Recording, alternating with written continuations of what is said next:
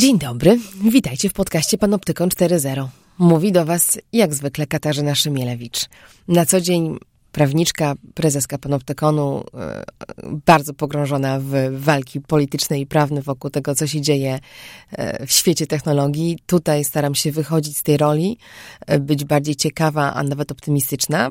Chociaż przyznaję, że ostatnie parę podcastów to przede wszystkim narzekanie w moim wykonaniu na działania platform internetowych, na te wszystkie usługi komercyjne, które nam zmieniły internet, stały się naszym internetem i z których ja osobiście nie jestem bardzo zadowolona, bo uważam, że no, nie działają optymalnie, że generują problemy, y, których same nie potrafią rozwiązać. Więc dzisiaj trochę w tym nurcie o całym tym bajzlu, który zalega nam w internecie, nie tylko o dezinformacji i fejkach, o których mówiliśmy wcześniej, ale bardziej o rzeczach trudnych i ludzkich, o nienawiści, o hejcie, o patotreściach. Technologie i człowiek. Człowiek i technologie. Gdzie na tym styku czekają na nas zagrożenia? Jak korzystać z technologii, by na nich skorzystać? Jak kontrolować, kto gromadzi o nas informacje i do czego ich używa? Z ekspertami i praktykami rozmawia Katarzyna Szymielewicz. Panoptykon 4.0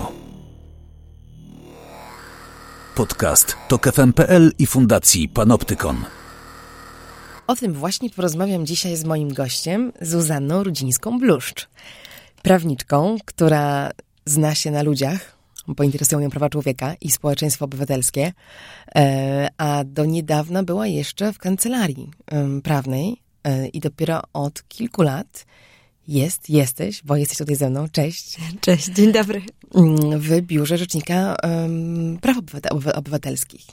To musiała być duża zmiana w twoim życiu, prawda? Przejść z sektora komercyjnego do, do publicznego i zacząć walczyć o ludzi. Jak to było? Tak, rzeczywiście, rzeczywiście ta zmiana e, była olbrzymia. Przez e, ponad 10 lat pracowałam w największych kancelariach e, prawniczych. Zajmowałam się delatacją podłóg w budynku klasy A. To też bardzo ludzkie tematy. Bardzo ludzkie tematy, pękająca, pękająca posadzka, bardzo ważny temat, który spotyka wiele z nas. E, natomiast e, rzeczywiście zajmowałam się sporami komercyjnymi przed sądem i sporami przed e, e trybunałami arbitrażowymi. E, I po godzinach robiłam różne sprawy pro bono. Aha, I tak mnie to, tak mnie to wciągnęło. E, tak mnie to wciągnęło. Zaczęłam współpracę z Helsińską Fundacją Praw Człowieka.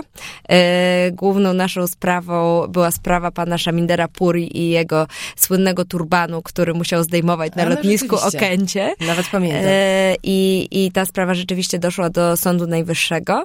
E, poza tym miałam bardzo dużo spraw o udzielenie ochrony międzynarodowej i to wszystko robiłam zazwyczaj po godzinach pracy, po w weekendy i, i dawało mi to dużo więcej satysfakcji niż spory y, o posadzkę y, Myślę, że kancelaria musiała być bardzo zmartwiona twoim odejściem, ale ucieszył się Adam Bodnar, który dostał takie wsparcie e, w swojej, w swojej kadencji. E, stworzyliście ten program spraw precedensowych, prawda? Czyli takie właśnie sprawy, ważne sprawy ludzi robisz teraz w biurze rzecznika. Tak, rzeczywiście e, rzecznik dr Adam Bodnar ściągnął mnie do biura właśnie po to, żeby w biurze rozwinąć program strategicznych postępowań sądowych. Ta nazwa może brzmi dosyć tajemniczo, e, ale to jest nic innego jak świadome wybieranie spraw sądowych I e, w tych obszarach e, życia społecznego, w których nie ma wystarczającej ochrony przed naruszeniami ze strony organów państwa i nagłaśnianie tych spraw, tak żeby ludzie wiedzieli, jakie argumenty prezentujemy przed sądem i żeby mogli wykorzystać tą naszą argumentację. Być może brzmi to bardzo teoretycznie. No zaraz to ale, ale, ale ukonkretnimy to, tak, bo rzeczywiście jest to po prostu jedno z narzędzi, te strategiczne postępowania sądowe jest to jedno z narzędzi ochrony praw człowieka e, i dla mnie jest to także jedno z narzędzi zmiany społecznej. No ale mówiąc o zmianie społecznej, ja akurat kojarzę e, mhm. działanie biura i, i, i twoje działania w biurze e, w ostatnich kilku latach z czymś jeszcze może bliższym tego, mhm. tego, tego, tego, co mnie interesuje w ludziach. Mowa nienawiści, patotreści, cała ta sfera, w której człowiek nie występuje w swojej, swojej najlepszej wersji i nawet szkodzi innym ludziom i jakoś trzeba znaleźć reguły współżycia społecznego. Tak? Czyli ktoś wrzuca do internetu treść, która narusza prawa innej osoby albo promuje nienawiść i wy w to wchodzicie, e, rzecznik w to wchodzi i, i, i ty jako osoba, która prowadzi takie inicjatywy w biurze rzecznika, mam wrażenie szukając jakiejś drogi spotkania się w tym społeczeństwie, bo robicie na przykład okrągłe stoły, prawda?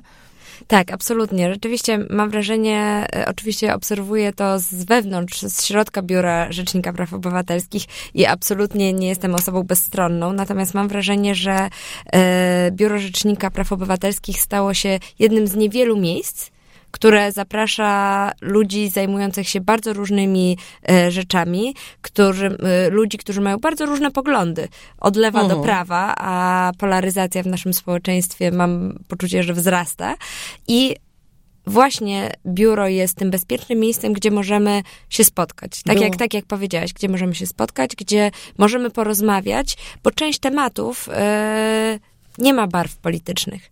Część tematów nie ma barw e, partyjnych i właśnie nad tymi tematami warto debatować. I takim tematem jest na przykład mowa nienawiści, która nas wszystkich jako zdroworozsądkowych e, obywateli e, powinna bardzo niepokoić, zwłaszcza ta mowa nienawiści, która funkcjonuje w debacie publicznej.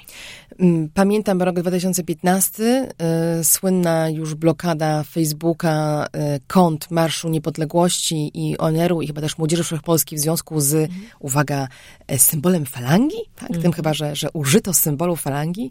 Bardzo legalna treść w mojej opinii.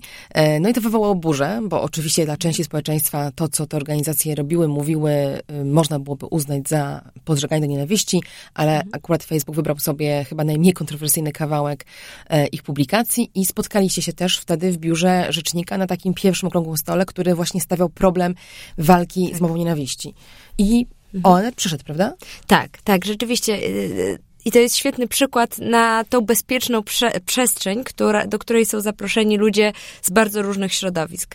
I e, uważam, że jest wielką zasługą rzecznika Bodnara, że on reaguje właśnie w takich sytuacjach. Ten okrągły stół e, do spraw e, walki z mową nienawiści powstał e, w 2015 roku e, wobec wydarzeń e, około Marszu Niepodległości i właśnie wtedy drzwi biura rzecznika rzecznika były otwarte również e, dla przedstawicieli ONR-u e, i grup e, narodowych.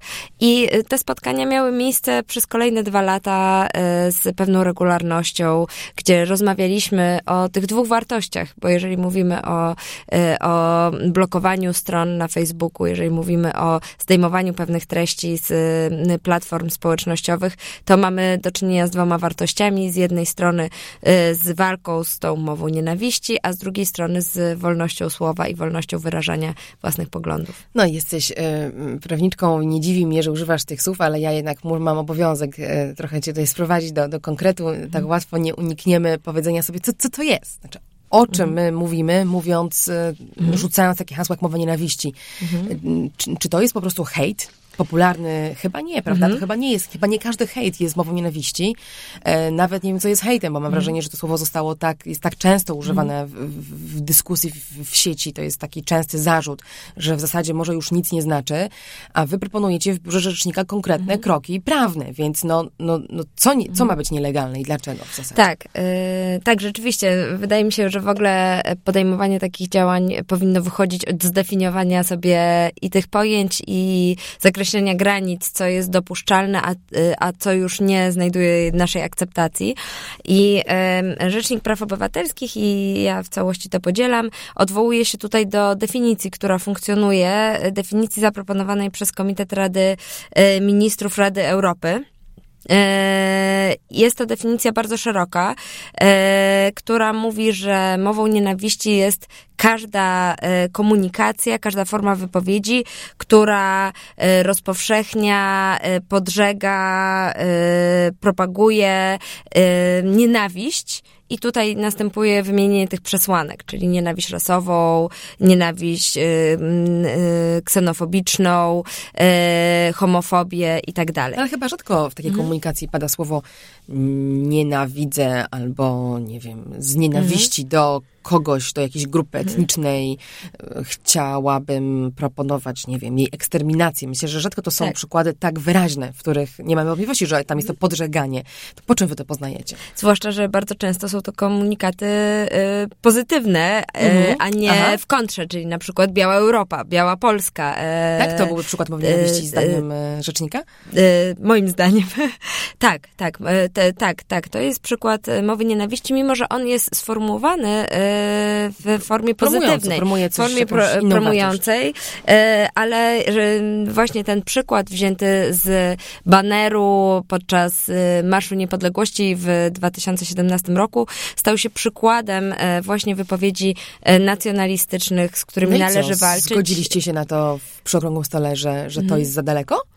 E, Myślę, że tutaj nie było e, konsensusu powszechnego, natomiast e, była dyskusja, co z tym robić, tak? Co robić z mową nienawiści. I tutaj odwołam się do dokumentu, który powstał nie tak dawno, po tragicznych wydarzeniach w Gdańsku w styczniu tego roku, czyli 20 rekomendacji dotyczących walki z nienawiścią, Mhm. który został stworzony przez Rzecznika Praw Obywatelskich.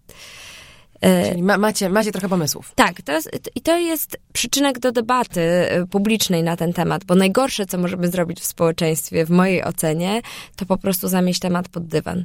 E, A Albo masz wrażenie, że do, do, do tej pory trochę tak było? mam wrażenie, że zdecydowanie za mało działań było podejmowanych. Mam wrażenie, że e, rzeczywiście pojęcie mowa nienawiści stało się pewnym takim słowem wytrychem, No który jest używany przez używany- polityków po obu Tak, stronach tak. barykady polskiej. Tak. Tak, a, Skutecznie. e, więc, więc e, rzeczywiście e, i ta wolność słowa, z którą my sobie nie dajemy rady, to jest bardzo ciekawe, bo mam wrażenie, że w Stanach Zjednoczonych e, ta wolność słowa, która jest bardzo e, szeroko chroniona, e, jest tak trochę zinternalizowana, a u nas ta wolność słowa albo działa jako miecz, albo jako tarcza i jest tak używana też przez polityków i w debacie publicznej, a tak naprawdę nie zastanawiamy się nad jej granicami. Mhm. Ciekawe, a co z takimi działaniami, no Facebook, jak rozumiem, nie zamiata pod dywan, bo od wielu lat podejmuje własne działania e, czyszczące internet. E, Zresztą przykład, od którego wyszłyśmy, blokady m, kont e, grup narodowych, to, był tak, to było takie działanie, zresztą w mojej ocenie zupełnie wtedy niewłaściwe, Mm, więc cieszyłam się bardzo z tego, że z tego wyszła taka inicjatywa jak, jak wasz okrągły stół. Mm, No właśnie, no więc oni robią. Robią i co? Chyba im się nie udaje. Albo robią za dużo. E, wydaje mi się, że robią, nie, nie, nie jestem w stanie powiedzieć, czy robią za dużo, czy za mało. E, na pewno e, teraz, w ostatnich latach, widać potrzebę zintensyfikowania tych działań, a przede wszystkim jakiejś większej transparentności i przejrzystości tego procesu. Czyli ludzie nie do końca rozumieją, co się dzieje w tej czarnej skrzynce, co Tak, ona ja mam, ja mam wrażenie, ludzie nie rozumieją, nie rozumieją tego użytkownicy Facebooka. Kolejne afery, takie jak Cambridge Analytica, pokazują, że Facebook, działanie Facebooka nie jest transparentne. No i że stawka Na- jest wysoka, tak, prawda? I stawka jest wysoka, e, co zresztą wiąże się z tym, że Facebook ma zmienić swój regulamin bodajże do końca czerwca, ma przedstawić swój model biznesowy. To wynika z jego porozumienia z Tak, Komisją Europejską, z Komisją? Europejską, tak. Tak, ale ta presja, y, która się tworzy wokół platform y, internetowych, y, mam wrażenie, że będzie sprzyjała i debacie na ten temat, i ukształtowaniu takiego funkcjonowania platform, które będzie sprzyjało ochronie i prywatności użytkowników Facebooka i większej świadomości, do czego są wykorzystywane nasze dane. Mhm. Czyli wierzysz optymistycznie, że to da się pogodzić i da się zrobić takie, taką procedurę, e, czy wewnątrz dużej firmy, tak jak Facebook, czy, czy, czy wewnątrz państwa polskiego, e, która te różne wartości pogodzi. Cały czas możemy się dogadać jako społeczeństwo. Masz tutaj taki optymizm. E, tak, gdybym nie miała optymizmu, to chyba, to chyba by mi było ciężko funkcjonować e, w tej przestrzeni, w której funkcjonuję zawodowo. Rzeczywiście mam optymizm. Nie mam, e, nie, nie sądzę, że jest to taki zupełnie e, e, optymizm irracjonalny. To znaczy, nie wierzę, że wyrogujemy w ogóle z przestrzeni publicznej mowy nienawiści. Niestety czy, w to nie czy ty wierzę. sama patrząc na internet masz takie Mhm. poczucie, no bo siedząc w tym temacie od, od już kilku lat i, i będąc praktyczką, tak Mhm. też sądową, zdarza ci się mieć wątpliwość, co jest okej, a co nie jest okej? Co jest, Mhm. jak, jak, jakie też jestem ciekawa, jakie kryteria, nawet tak, mm, nie mamy Mhm. tej definicji prawnej, to przywołałaś definicję, która wynika z dokumentów międzynarodowych. Polskie prawo jeszcze tej definicji e, nie, Tak. nie wykształciło, więc e, to są kategorie moralne? To jest tak, że coś nas oburza, Mhm. albo krzywdzi, albo czegoś nie chcemy, bo Dlaczego, cze- właściwie dlaczego Mhm. tego nie chcemy? Znaczy, to jest świetne pytanie. To jest świetne pytanie e, i e, myślę, że odpowiem na nie e, odwołując się do pojęcia patotreści w internecie. E, i patotreści jest to temat, którym zajmuję się od mniej więcej roku w Biurze Rzecznika. Mm, wzięło się to od patostreamingu. Nie wiem, czy Kasiu wiesz, co to jest patostreaming. No, coś mi się obiło o pewnie ci uszy. się to obiło o uszy, ale jest to zjawisko podobno endemiczne dla Polski. Czyli jest to, typowe jest to, dla nas. Tak, jest to typowe dla nas. e, Wymysł Polski na zarobkowanie.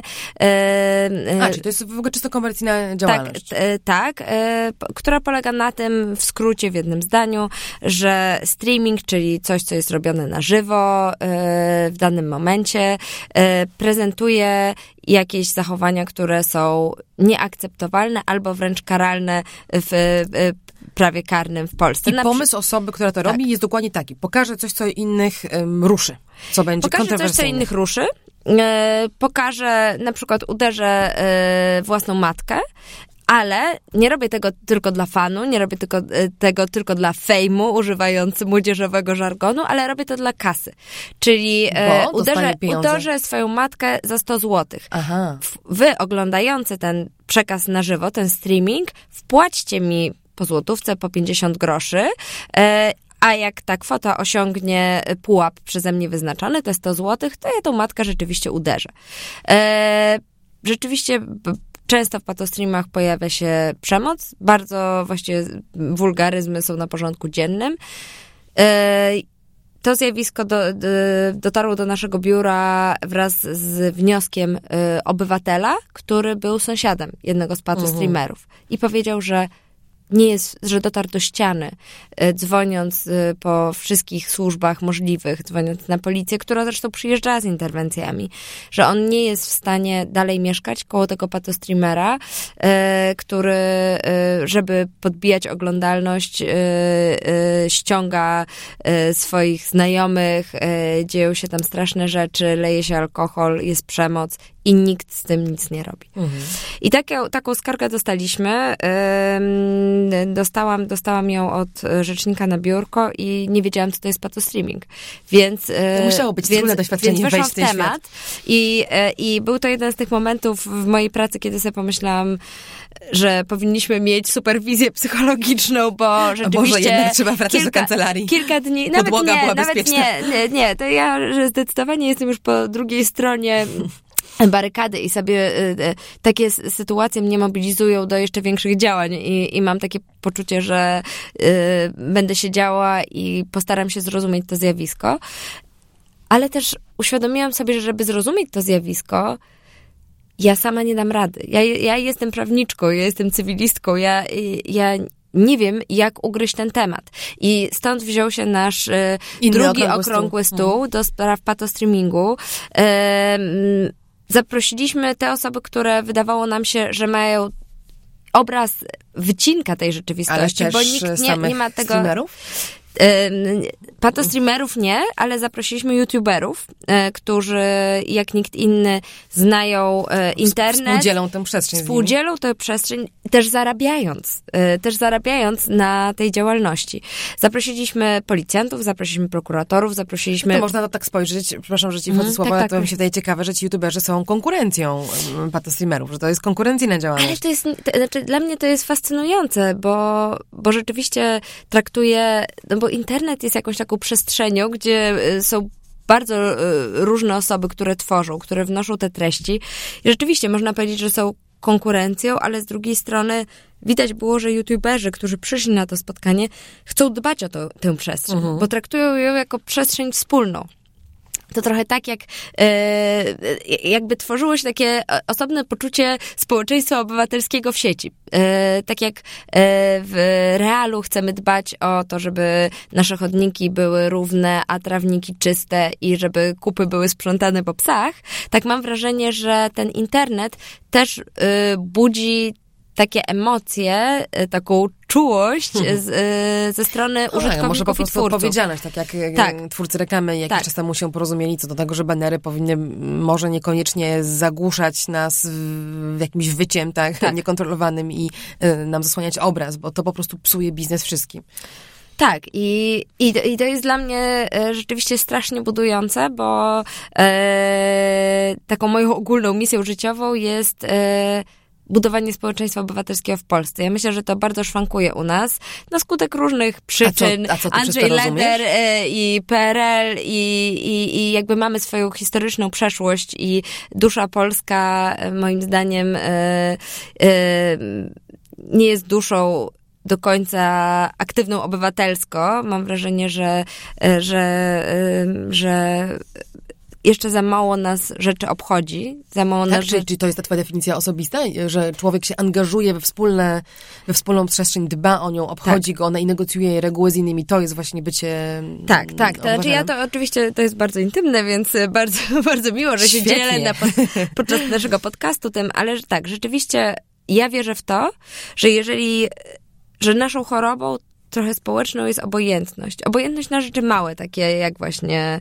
y, kupa na trawniku po psie niesprzątnięta, jak, y, jak y, sąsiadka z podbitym okiem, którą mijamy na schodach i nie reagujemy, nie pytamy, co się stało, jak płacz dziecka, y, który jest trochę za głośny, ale Jedyne, co robimy, to mhm. przygłaśniamy telewizor i tak dalej, i tak dalej. Bo tutaj możemy też nawiązać i do mowy nienienawiści. No i, właśnie, i, wrócić i, do tego człowieka, który, który nie miał dokąd pójść, tak? Któremu... O, oczywiście, tak. Ale, ale w ogóle... Yy, yy, Jeździmy, Rzecznik Praw Obywatelskich jeździ, a ja mu czasem towarzyszę na spotkania regionalne, czyli jeździ, jeździ po Polsce raz w miesiącu.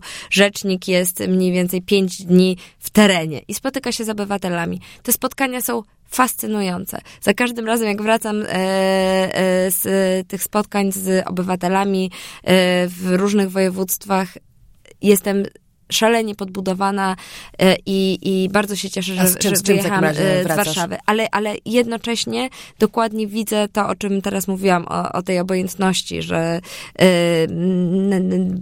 Ostatnie spotkanie, na którym byłam regionalne, było na Śląsku, chyba w styczniu, e, tak mi się wydaje, albo w grudniu. Było bardzo zimno. E, wstał mężczyzna, który, mm, który e, był bezdomny, powiedział, że E, że e, nie ma gdzie spać, że urzędnicy go odsyłają do schroniska dla bezdomnych, które jest oddalone o 30 kilometrów od miejsca, w którym żeśmy się spotykali, e, że on nawet ma jakąś rentę, ale po prostu nie, nie, nie, nie jest w stanie znaleźć sobie jakiegoś lokum i, i, I, widać, gdyby ktoś się pochylił nad y, tą sprawą, to by, to by mu pomógł. To być może by mu pomógł. Ale właśnie tutaj wracam do tej naszej choroby obojętności, że nie wiem, jesteśmy zabiegani, nie no pomyślimy dobrze, to, to wróćmy do, do, do, do, naszego internetu, hmm. o który tak. youtuberzy zarabiający na nim pieniądze chcą o niego mhm. dbać, hmm. a my wszyscy obserwujemy to, co tam się dzieje i patotreści, i hmm. hejt, e, taki mm, pospolity hejt e, i być może tą nienawiść, o, o, której ty mówiłaś, której ja akurat widzę niewiele, ale to wynika mhm. z tego, że po prostu na co innego patrzę, a nie, że jej tam nie ma. Co możemy zrobić, co powinniśmy robić. Mhm. Jeżeli chodzi o e, patotreści, e, myśmy sobie tak to nazwali patotreści, bo jeszcze żeśmy nie doszły do, do kwestii definicyjnych, bo to też bardzo ciężko wyznaczyć te granice. Tak, bo pytałam cię, po czym ty poznajesz, tak, że coś już jest tak, za daleko. Tak, tak, tak, tak. I, i, I mam wrażenie, że uniknęłam odpowiedzi być może no powinnam się tego trzymać, ale, ale e, tak, rzeczywiście, e, jeżeli chodzi o patotreści, to widzę takie trzy obszary działania. I być może, i to ma też przełożenie na, na mowę nienawiści, możemy się zatrzymać przy, przy tych kategoriach. Po pierwsze widzę działania we współpracy z organami ścigania, z policją, z prokuraturą. Co one mają ścigać? One mają ścigać kogoś, że się mhm. bardzo upił i mhm.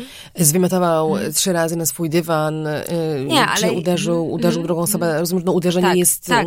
Część, jest wykroczeniem część, poza to, co uznajemy za normę, ale nadal nie wyobrażam sobie policji, która e, zakłada kajdanki komuś, kto, kto uderzył nawet mm, drugą osobę. Mhm, tak po prostu. To znaczy, y, ja sobie to wyobrażam, y, bo naruszenie nietykalności cielesnej jest karalne y, w naszym kraju, natomiast jeden z patostreamerów został aresztowany za to, że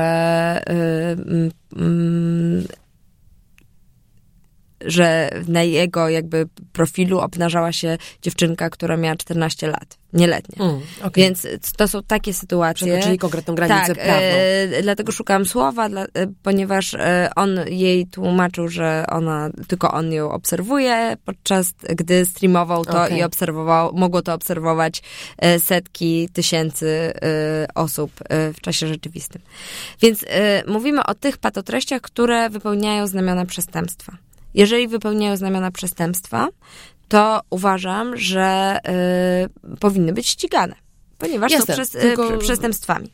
E, natomiast e, bardzo często e, policja czy prokuratorzy nie dostrzegają społecznej szkodliwości tych czynów. Bardzo często te przestępstwa, które są popełniane w internecie, są lekceważone. Dlaczego?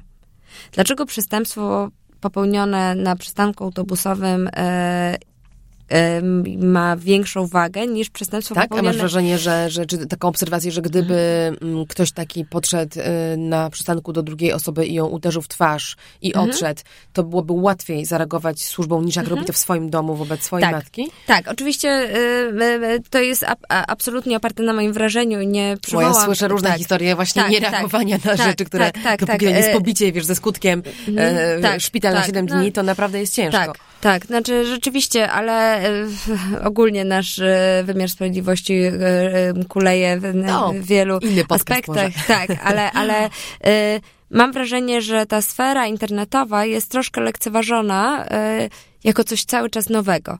Mieliśmy taki przykład... A może mało realnego, nie wiem. A może mało realnego, a może mało szkodliwego, podczas gdy te niektóre streamy oglądane są przez setki tysięcy albo na przykład dwa miliony a użytkowników. co to im robi? co, co, co to robił yy, mm, oglądający.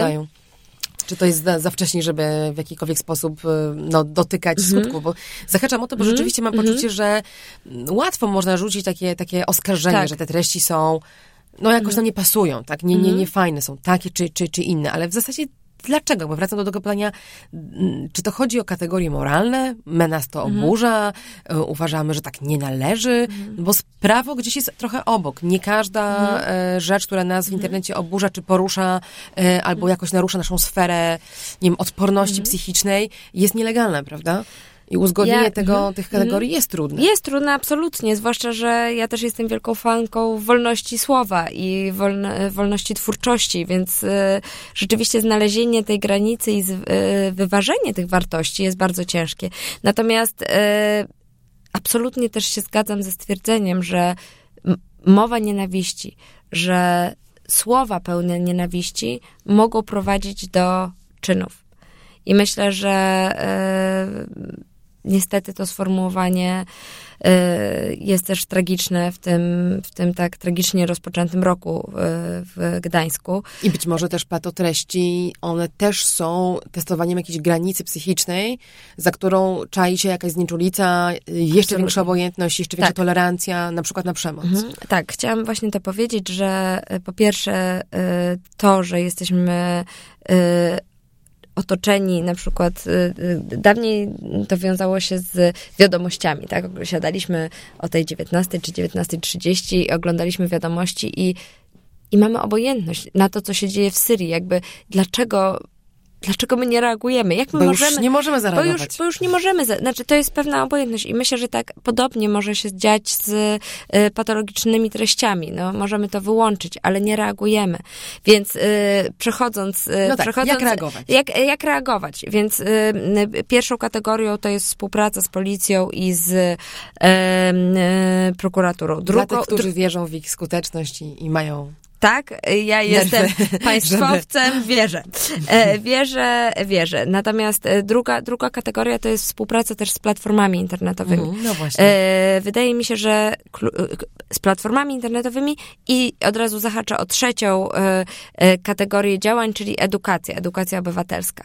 Bo wyobraźmy sobie, że my teraz zamiast tego podcastu robimy sobie YouTube Party, Zuza i Kasia i oglądamy sobie YouTube i puszczamy e, różne utwory i trafiamy na utwór, który nie tutaj, ponieważ nie będę reklamować y, tych y, patotreści, to nie, nie wspomnę, ale utwór, który jest skrajnie dyskryminacyjny dla kobiet, sprowadza kobiety do przedmiotu seksualnego.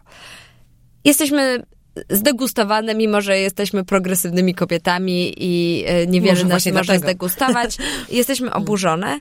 I teraz, czy my, dwie świadome kobiety aktywne w y, dziedzinie praw człowieka, czy my po pierwsze, czy my coś z tym robimy, czy my wiemy, co z tym zrobić, Y, a nawet jak wiemy, y, czy y, ten formularz zgłoszenia y, tego do platformy internetowej jest na tyle prosty, że nie spędzamy kolejnych 40 minut. No to jak a, jest? A, a jeżeli, y, już zaraz odpowiem, a jeżeli, jeżeli już wypełnimy ten formularz, czy rzeczywiście ta platforma internetowa zareaguje w taki sposób, żeby nas zachęcić kolejny Tak, raz do, e, tego zareagowania, tak, do sprzątania internetu, e, e, czy w ogóle zareaguje, czy zareaguje w, we właściwym czasie i jak zareaguje, prawda? Mhm.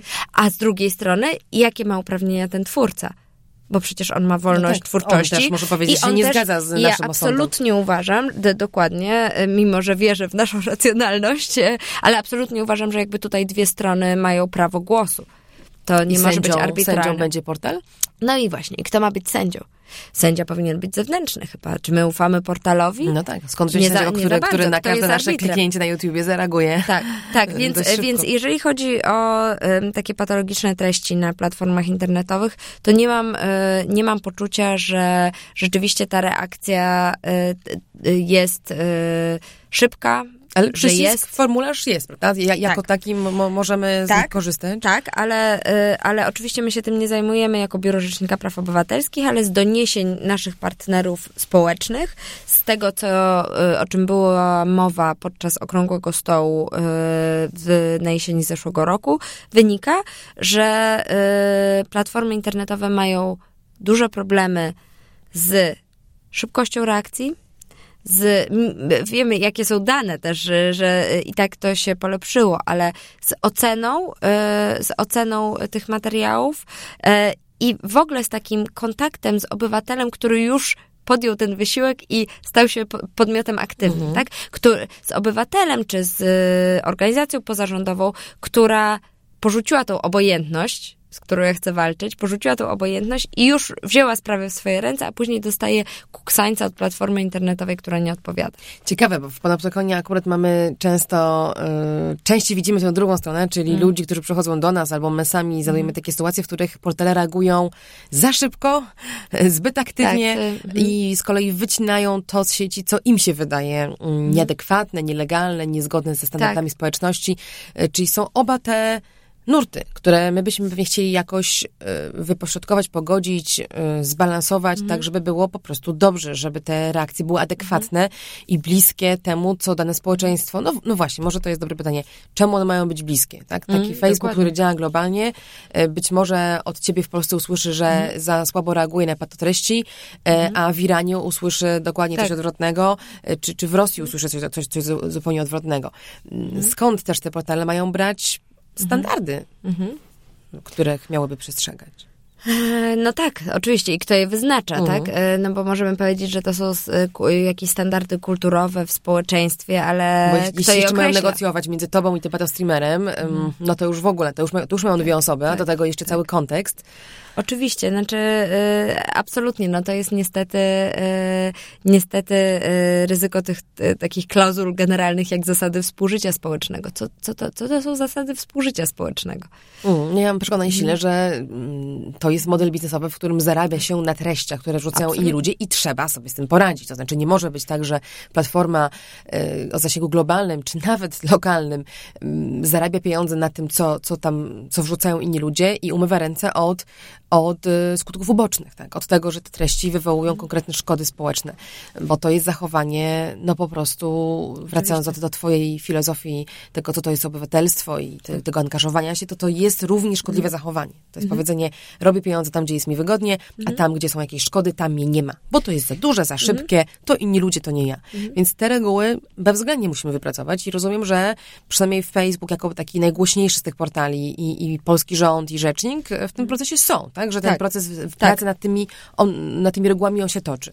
Tak, tak, absolutnie. I, I też wydaje mi się, że bardzo ważne, żeby państwo w tym brało udział, żeby w tym brało udział no zarówno państwo, jak i Unia Europejska, Komisja Europejska, która bierze e, udział w e, regulowaniu tych standardów e, platform internetowych. To jest bardzo ważne. To jest bardzo ważne. I ważne jest też, żeby to się nie działo poza e, obywatelami. I ty, patrząc na to, na to z bliska, ym, tak jak już powiedziałaś, dostrzegasz raczej taką tendencję, że za mało jest tych reakcji. Ja powiedziałam o sytuacjach, gdzie one są może zbyt pochopne, zbyt szybkie, zbyt arbitralne. Y, Nadal wierzysz, że y, walka z hejtem, skuteczna walka z hejtem, czy mową nienawiści, czy pod treściami nie musi oznaczać tego, że wolność artystyczna będzie ograniczana, albo nasza wolność słowa będzie ograniczana, że naprawdę da się znaleźć ten taki słodki moment, w którym się wszyscy spotkamy? Albo E, przynajmniej większość z nas Znaczy się na spotka? pewno, na pewno trzeba to też y, analizować jednostkowo. To znaczy nie wymyślimy sobie tutaj siedząc, ani nie wymyśli tego nasz rząd, ani nie wymyślą tego platformy internetowe y, dziesięciu reguł, złotych reguł, które y, teraz y, właśnie doprowadzą nas em, do tego złotego środka. Natomiast my- myślę, że musimy się do niego zbliżać. To, że będziemy się kłócić Mhm. o konkretne sprawy, nas tam przybliża. To, że będziemy mieli więcej spraw, na których możemy Mhm. pracować i mówić, i to nie będzie tylko Facebook, który Mhm. wewnętrznie pochłania taką sprawę, tak? Czyli odbiera ten twój formularz i mówi, Mhm. o, dostałem, zrobiłem z tym coś, wyplułem coś, masz, ale nie wiesz dlaczego, tylko będzie to jakaś dyskusja z nim, to też nam pomoże, prawda? Absolutnie. Znaczy przede wszystkim e, standardy, które są stosowane przez platformy internetowe, ale też podstawy działania e, algorytmów, które są stosowane przez platformy internetowe, powinny być transparentne. Powinny być zrozumiałe dla użytkowników. Powinny być zrozumiałe dla organów państwa, e, organów ochrony e, konsumentów. e, e, I tutaj jest e, olbrzymia rola tych platform internetowych. Tak, wydaje mi się, że najgorsze, co można zrobić, to e, nie regulować i nie debatować. To jest, to, to, to jest bardzo złe. Odwracać wzrok. Musimy na ten temat rozmawiać. Oczywiście nie uważam, że osiągniemy ten y, złoty środek, zwłaszcza, że y, rzeczywistość jest dynamiczna. Teraz y, i, te, i te nasze standardy społeczności też są dynamiczne. A przychodzą ci do głowy, m, tak żeby to przybliżyć znowu Mhm. do człowieka, jakieś sprawy, nie wiem, coś, co, co byłoby dla ciebie trudne w ocenie, albo coś, co się wydarzyło wcześniej i było oceniane jakoś, a dzisiaj byłoby już po tej drugiej stronie. Mhm. E, Tak, żeby też pokazać, gdzie, gdzie możemy mieć problem, tak? No patotreści to jest ewidentnie taki Tak, znaczy- kawałek, mhm. który jest nowy w internecie. No właśnie, Musimy się tak, do niego ustawić, tak. ale tak nawet myślę o tym, o tym hejcie, tak? Czy też nie jest tak, że nasze granice tolerancji hejtu e, też się zmieniają, bo po prostu jesteśmy nim bombardowani i uczymy się też pewnej obojętności. Um, hmm. Tak, no i, i właśnie co jest dopuszczalne? Co jest dopuszczalne w debacie publicznej? Bo to y, y, oczywiście dotyczy internetu, ale tak samo dotyczy y, Sejmu na wiejskiej, tak? Co jest dopuszczalne z ust No posłanki lub coraz posła? więcej. Os, os, osądza, osądzając czy- potem, co tam czy- się wydarza. Czy tak to powinno być? więcej oznacza, że nasze standardy się zmieniają? Czy to więcej oznacza, że granice naszego przyzwolenia się zmieniają? To No jest, raczej, że ktoś to je jest- testuje cały czas. Tak, ale pytanie, czy to testowanie to jest właśnie zdobywanie tego terytorium? Raz po raz i przesuwanie tej granicy. Tak naprawdę ty mówisz o tym, mhm. ludzie wszyscy wstańmy i zacznijmy też przesuwać, tak? ponieważ jest wielu takich aktorów przesuwających, którzy nas um, no, poddają nas próbie przesunięcia naszej granicy. Nie wiem, jak to dobrze mhm. powiedzieć. Chcę powiedzieć challenge'ują, ale to straszne słowo. No ale nie, ja myślę, że e, wiesz, Kasiu, też e, wydaje mi się, że to, co jest naprawdę ważne, to to, e, żebyśmy nie pozwalali my, ja jako obywatelka, my jako społeczeństwo, a przede wszystkim też osoby publiczne, żebyśmy nie pozwalali na rzeczy, które są dla nas jednoznacznie niedopuszczalne właśnie społecznie, moralnie, bo prawnie to mamy od tego właściwe organy. Czyli ja oczekuję reakcji na na przykład przestępstwa z nienawiści, y, jasnego potępienia przez y, osoby y, pełniące funkcje publiczne. A tego nie ma. I, a przykład idzie z góry. E, i przyzwolenie. Mhm. Czyli co, czyli premier powinien komentować to, jeżeli ktoś w internecie, na Facebooku na dużą skalę wiem, premier, nawołuje. ale mamy, nie wiem, e, nie wiem, czy premier, czy minister cyfryzacji, czy e, jeszcze ktoś inny. Ale a może tak, Mark? a może Mark, a może Mark. Mhm. Znaczy, rzeczywiście uważam, że nie powinno być przyzwolenia, bo jak się da przyzwolenie, to, to później rzeczywiście oddolna agresja wzrasta i w realu, i w sieci. No dobra, to jest konkretne zadanie domowe dla nas wszystkich. Mam nadzieję, że, że w takim razie będziemy więcej klikać albo więcej, więcej um, reagować. To jest trudne, rzeczywiście. I myślę, że to jest, to jest absolutnie zadanie takie psychiczne do, do, przerobienia dla, dla wszystkich użytkowników, żeby nie być obojętnym i nie odwracać oczu też od tego, co nam samym przeszkadza, bo to od tego na pewno nie zniknie. I ta granica będzie się e, przesuwać. No wielkie dzięki, że dajesz nam trochę optymizmu i takiego poczucia, że po pierwsze warto, po drugie nawet może trzeba e, działać. Wysoka poprzeczka, ale e, ja to przyjmuję. Dziękuję Ci, że, że porozmawiałaś dzisiaj ze mną o tym trudnym temacie. Była ze mną Zuzanna Rudzińska-Bluszcz. Bardzo dziękuję. Bardzo Ci dziękuję. Mówi do Was Katarzyna Szemilewicz i jesteśmy cały czas jeszcze w podcaście Panoptykon 4.0. Mm, kolejne ciekawe tematy przed nami. Jak zawsze zachęcam, żebyście pisali i mm, mówili nam, czego Wam brakuje. Zgłaszali nam swoje propozycje, uwagi, pomysły. Bardzo nas to cieszy, jak jesteśmy w rozmowie, jak nie jesteście obojętni. Do usłyszenia. Technologie i człowiek. Człowiek i technologie. Gdzie na tym styku czekają na nas zagrożenia? Jak korzystać z technologii, by na nich skorzystać? Jak kontrolować, kto gromadzi o nas informacje i do czego ich używa? Z ekspertami i praktykami rozmawia Katarzyna Szymielewicz. Panoptykon 4.0 Podcast to KFM.pl i Fundacji Panoptykon.